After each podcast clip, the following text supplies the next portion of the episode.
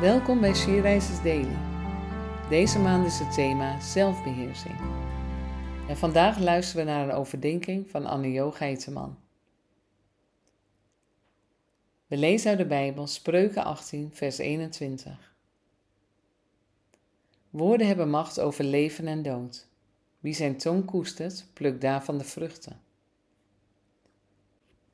De Bijbel heeft heel veel te zeggen over de kracht van woorden. De wereld werd geschapen door het woord, door gesproken woorden. Prachtig is dat.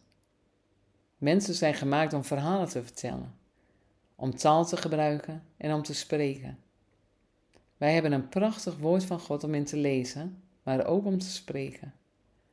Proclameer jij wel eens uit de Bijbel? Dat is dat je hardop in geloof uitspreekt wat er in de Bijbel geschreven staat.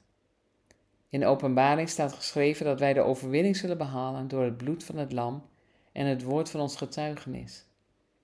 En welk getuigenis is nou krachtiger dan het woord van God zelf? Op een dag spreken we veel woorden uit. Leg je wel eens op wat je eigenlijk allemaal zegt?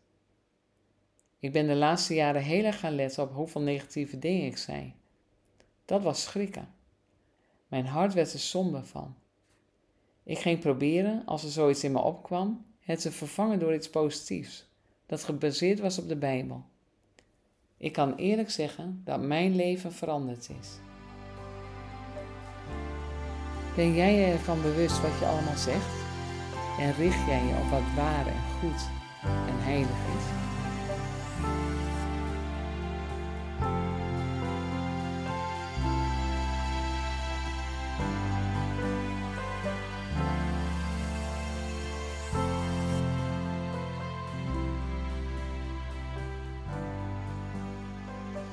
Laten we samen bidden.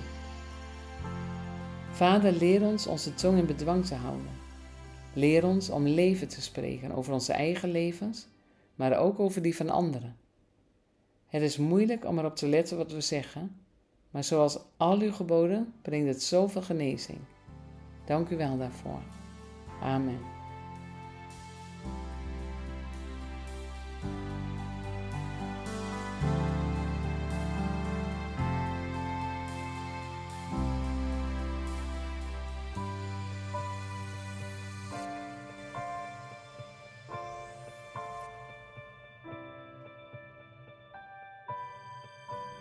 Je luisterde naar een podcast van She Rises.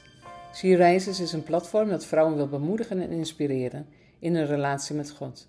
Wij zijn ervan overtuigd dat het Gods verlangen is dat alle vrouwen over de hele wereld Hem leren kennen. Kijk op www.she-rises.nl voor meer informatie.